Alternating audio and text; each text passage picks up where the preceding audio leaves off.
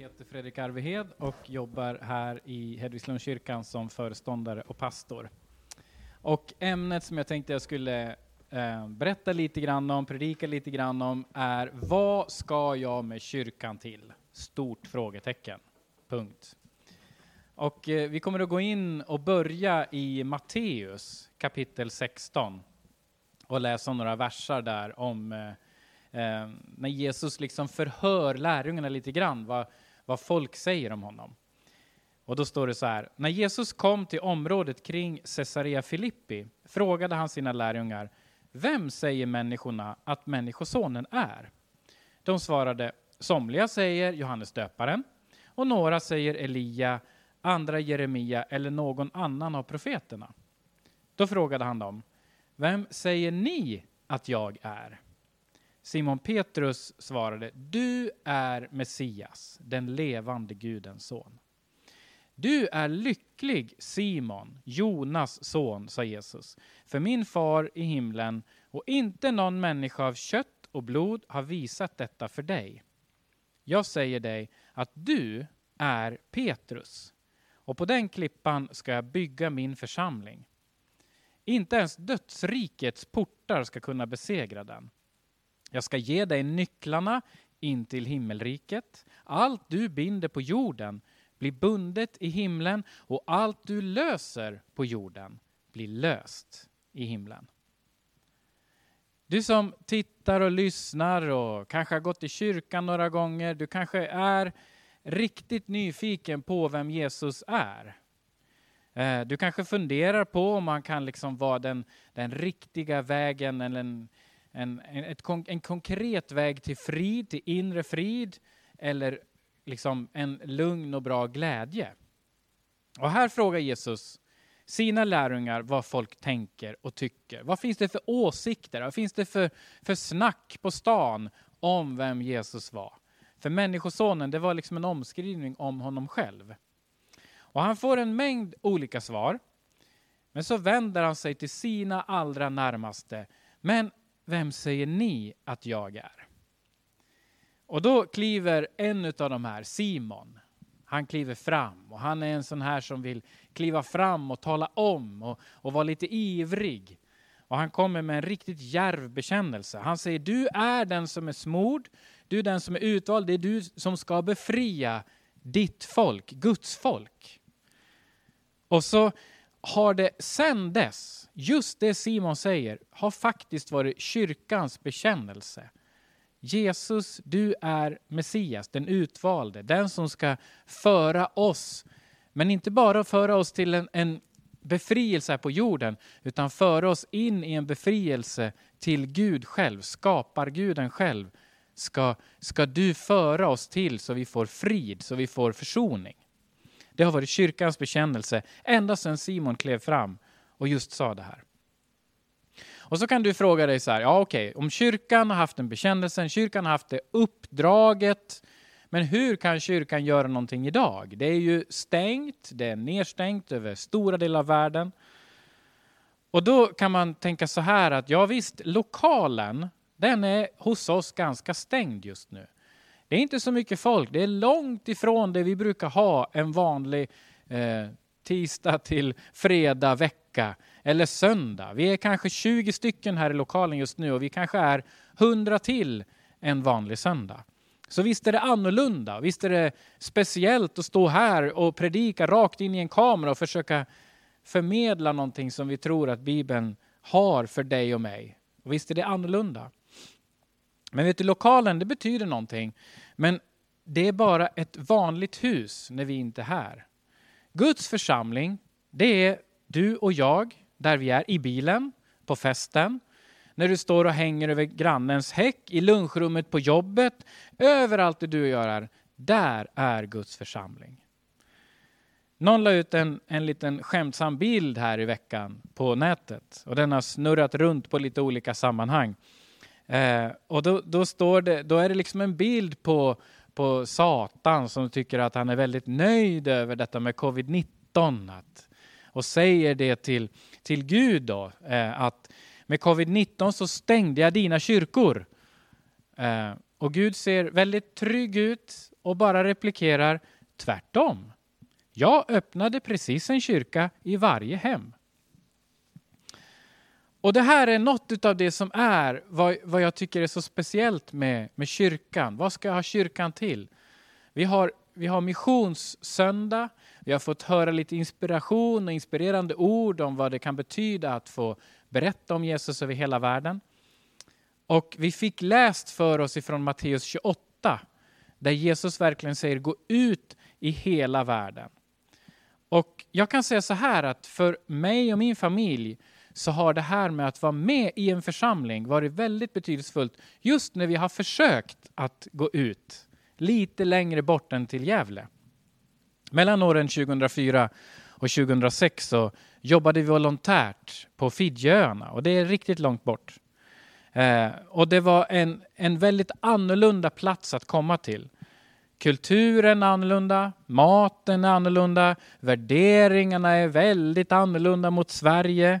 Kläderna är annorlunda. Jag fick vara best man på ett bröllop. Och vet du hur jag var klädd? Jo, jag hade en svart lång kjol med ganska hög slits. Och på överkroppen hade jag ett brunvitt, stelt, grovt papper som gick upp ungefär hit. Resten var bart. Eh, såklart, kläderna och allt det här var annorlunda. Men när söndagen kom och vi hade gjort det vi skulle, då letade vi på en kyrka. Vi åkte dit. Vi fick vara med i lovsången. Vi fick höra en predikan, vi kunde läsa Guds ord och vi kunde be tillsammans. Med människor som vi hade väldigt lik, alltså lite gemensamt med så kunde vi ha någonting gemensamt med som förenade oss. Det var tron på Gud och möjligheten att tillsammans eh, be och lovsjunga honom. Och det var helt fantastiskt. Just på Fiji så kan man ju undra vad, vad har det haft för betydelse för det landet att Jesus har kommit till Fiji? Jo, eh, innan Jesus kom till Fiji, eller missionärerna kom och berättade om Jesus, så, så fanns det ju folk som levde nära naturen, fanns liksom i sina byar och levde av det byarna gav. Men det var inte så att det var fullständig frid, utan man krigade med varann om man, ibland om man fick tag på någon annans krigare för att riktigt vara nära den andra byn, då åt man upp dem. Det var den kulturella sättningen i Fiji på 1800-talet. Det finns till och med en, en eh, dokumenterad hövding som hette Undre Undre. Och, och, han dog 1849 och det är inte så fruktansvärt länge sedan. Man tror att han åt mellan 800 och 1000 personer. Därför att han hade fått för sig att kunde han få i sig en tusende människa och äta upp den så skulle han få evigt liv. Eh, vi vet om hans grav och vi vet att det liksom funkade inte. Så när Kristus kom till Fiji, något som var väldigt konkret och som upphörde, det var att stamkrigen upphörde. En efter en av hövdingarna började höra talas om Jesus och den försoning som det gav med skaparguden. Och krigen började upphöra och kannibalismen fick faktiskt ett slut tack vare att Jesus kom till Fidje. En av de allra sista som dog på det här sättet var faktiskt en missionär. Och det är aldrig så att när vi går ut med berättelsen om Jesus att vi alltid får alla att lyssna och tycka allt är bra. Utan det kan gå som det gick för Thomas Baker. Han blev faktiskt uppäten i en by långt in på, på en av Fidjis öar. Tillsammans med ett antal andra som han hade med sig. Men allt gick inte att äta, så det finns en liten bit av hans ena sko kvar. Det var väldigt segt antar jag. Så den finns i en monter i eh, huvudstadens museum. Så där kan man se en liten rest utav Thomas Baker. Och 2003 så hade den här byn upplevt det så besvärligt med missväxt och annat så de kallade på Thomas Bakers släktingar från England och så hade man en reconciliation, alltså man hade en försoningsceremoni med den här släkten och bad om förlåtelse. Och det är flera källor som anger att efter det så börjar det på att växa på ett helt annat sätt i den här byn. Jag har inga dokument på det, men jag har hört talas om det. Väldigt fascinerande. Och som du har hört nu så har vår församling ett hjärta för andra. Och en av de vackraste bilderna jag har sett under en vecka som gått, det var när jag var med på Missionsrådets möte. Vi träffades inte, för man träffas inte så mycket nu. Vi, vi har respekt för det här med, med covid-19. Men vi hade ett Zoom-möte. Jag såg bilder på var och en av de engagerade missionsrådsdelegaterna eh, och såg liksom hur, hur varje, var och en hade sin passion för hur kan vi möta behoven inte bara i Gävle, utan lite längre bort. Och troligen kommer vi att få vara med om att ge lite grann till vår vänförsamling här längre fram i vår. Den vänförsamlingen ligger i Albanien och där har man stängt ner i princip hela landet. Och det är många som sitter med stor rädsla och det är väldigt många som kommer att inte ha mat för dagen. Och där kan det hända att vi kommer som församling att kunna få göra en insats lite längre fram. Och vill du vara med, var du än är och, och oavsett om du är med eller inte, i en sån konkret insats i ett av Europas länder, så återkommer vi med mer information om det lite längre fram. Att vara med i en församling det innebär att du har en gemenskap med Guds folk i hela världen. Därför behöver du församlingen. En annan sak som jag vill bara ta med också nu i den här lite korta predikan, det är att det är en plats för bön. Vi samlas inte i stora mängder just nu. Och det är helt rätt. Vi har respekt för detta. Vi gör vad vi kan i den här församlingen för att inte sprida eh, den här, det här viruset. Men vi, vi, vi sätter oss inte bara var och en, utan vi engagerar oss så mycket vi kan. I Jakobs brev kapitel 5 så står det så här. Får någon av er lida? Och det här är en uppmaning, ett brev som Paulus skriver eh, så att det kan läsas upp i församlingen. Så det här är liksom till en församling då, men också till dig och mig nu. Får någon av er lida, så ska han be. Är någon glad, så ska han sjunga lovsång. Är någon bland er sjuk, så ska han kalla på församlingens äldste och de ska be över honom och smörja honom med olja i Herrens namn. Trons bön ska bota den sjuke och Herren ska resa upp honom. Och har han begått synder ska han få förlåtelse för dem. Vi har en övertygelse om att Gud vill göra någonting. Och i församlingens sfär, i, i, i det liksom de här platserna, om, om det är så att du står och pratar med grannen och hänger över häcken och pratar med den, eller om det är på bussen eller lunchrum på jobbet, var du än är så finns församlingen och där finns det en möjlighet att be till den Gud som vi tror på. Och Jesus själv vill göra någonting genom det du ber. Och något av det mest uppmuntrande de sista veckorna här, det har varit en av de olika chattgrupperna som vi har där vi försöker jobba på olika sätt i den här församlingen.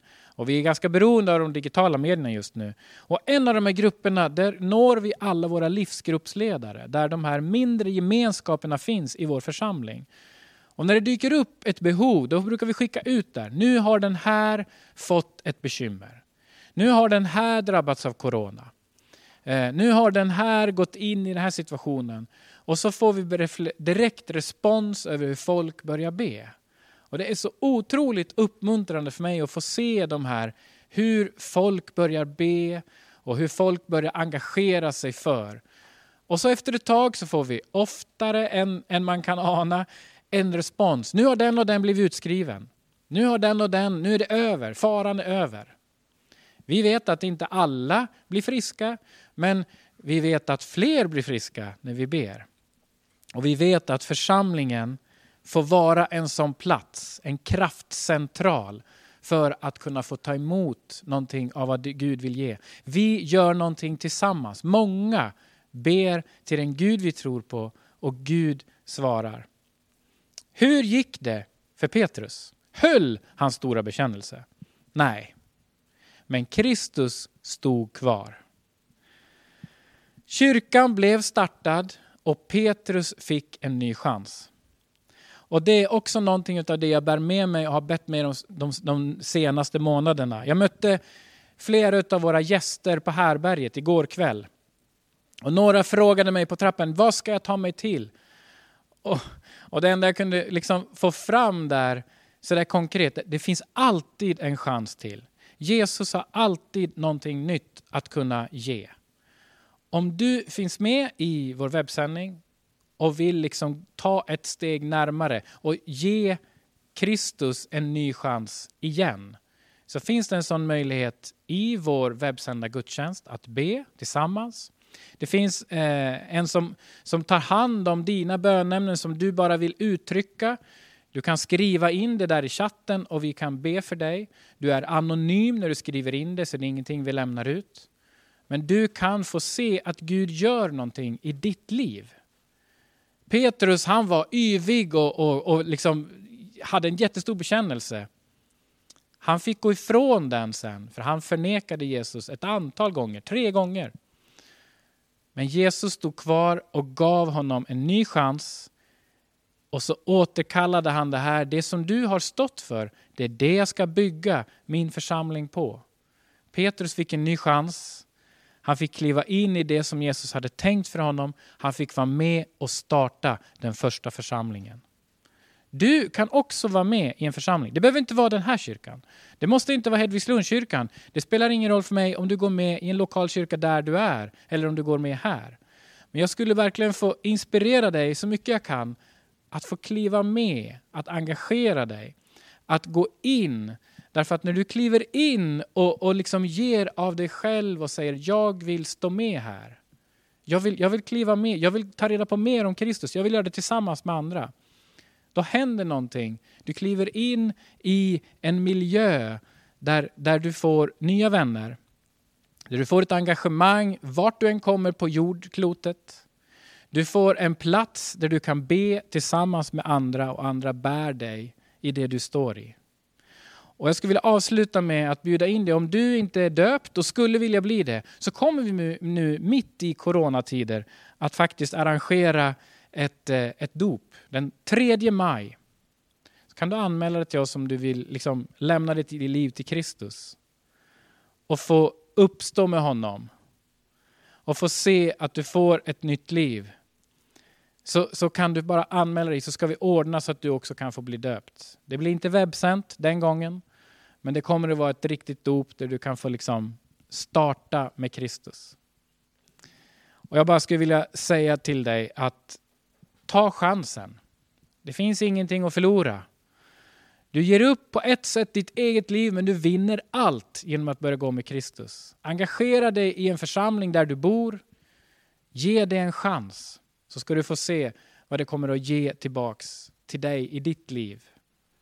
Och du kommer att ha en helt ny förutsättning att möta din morgondag. Gud välsigne dig min vän.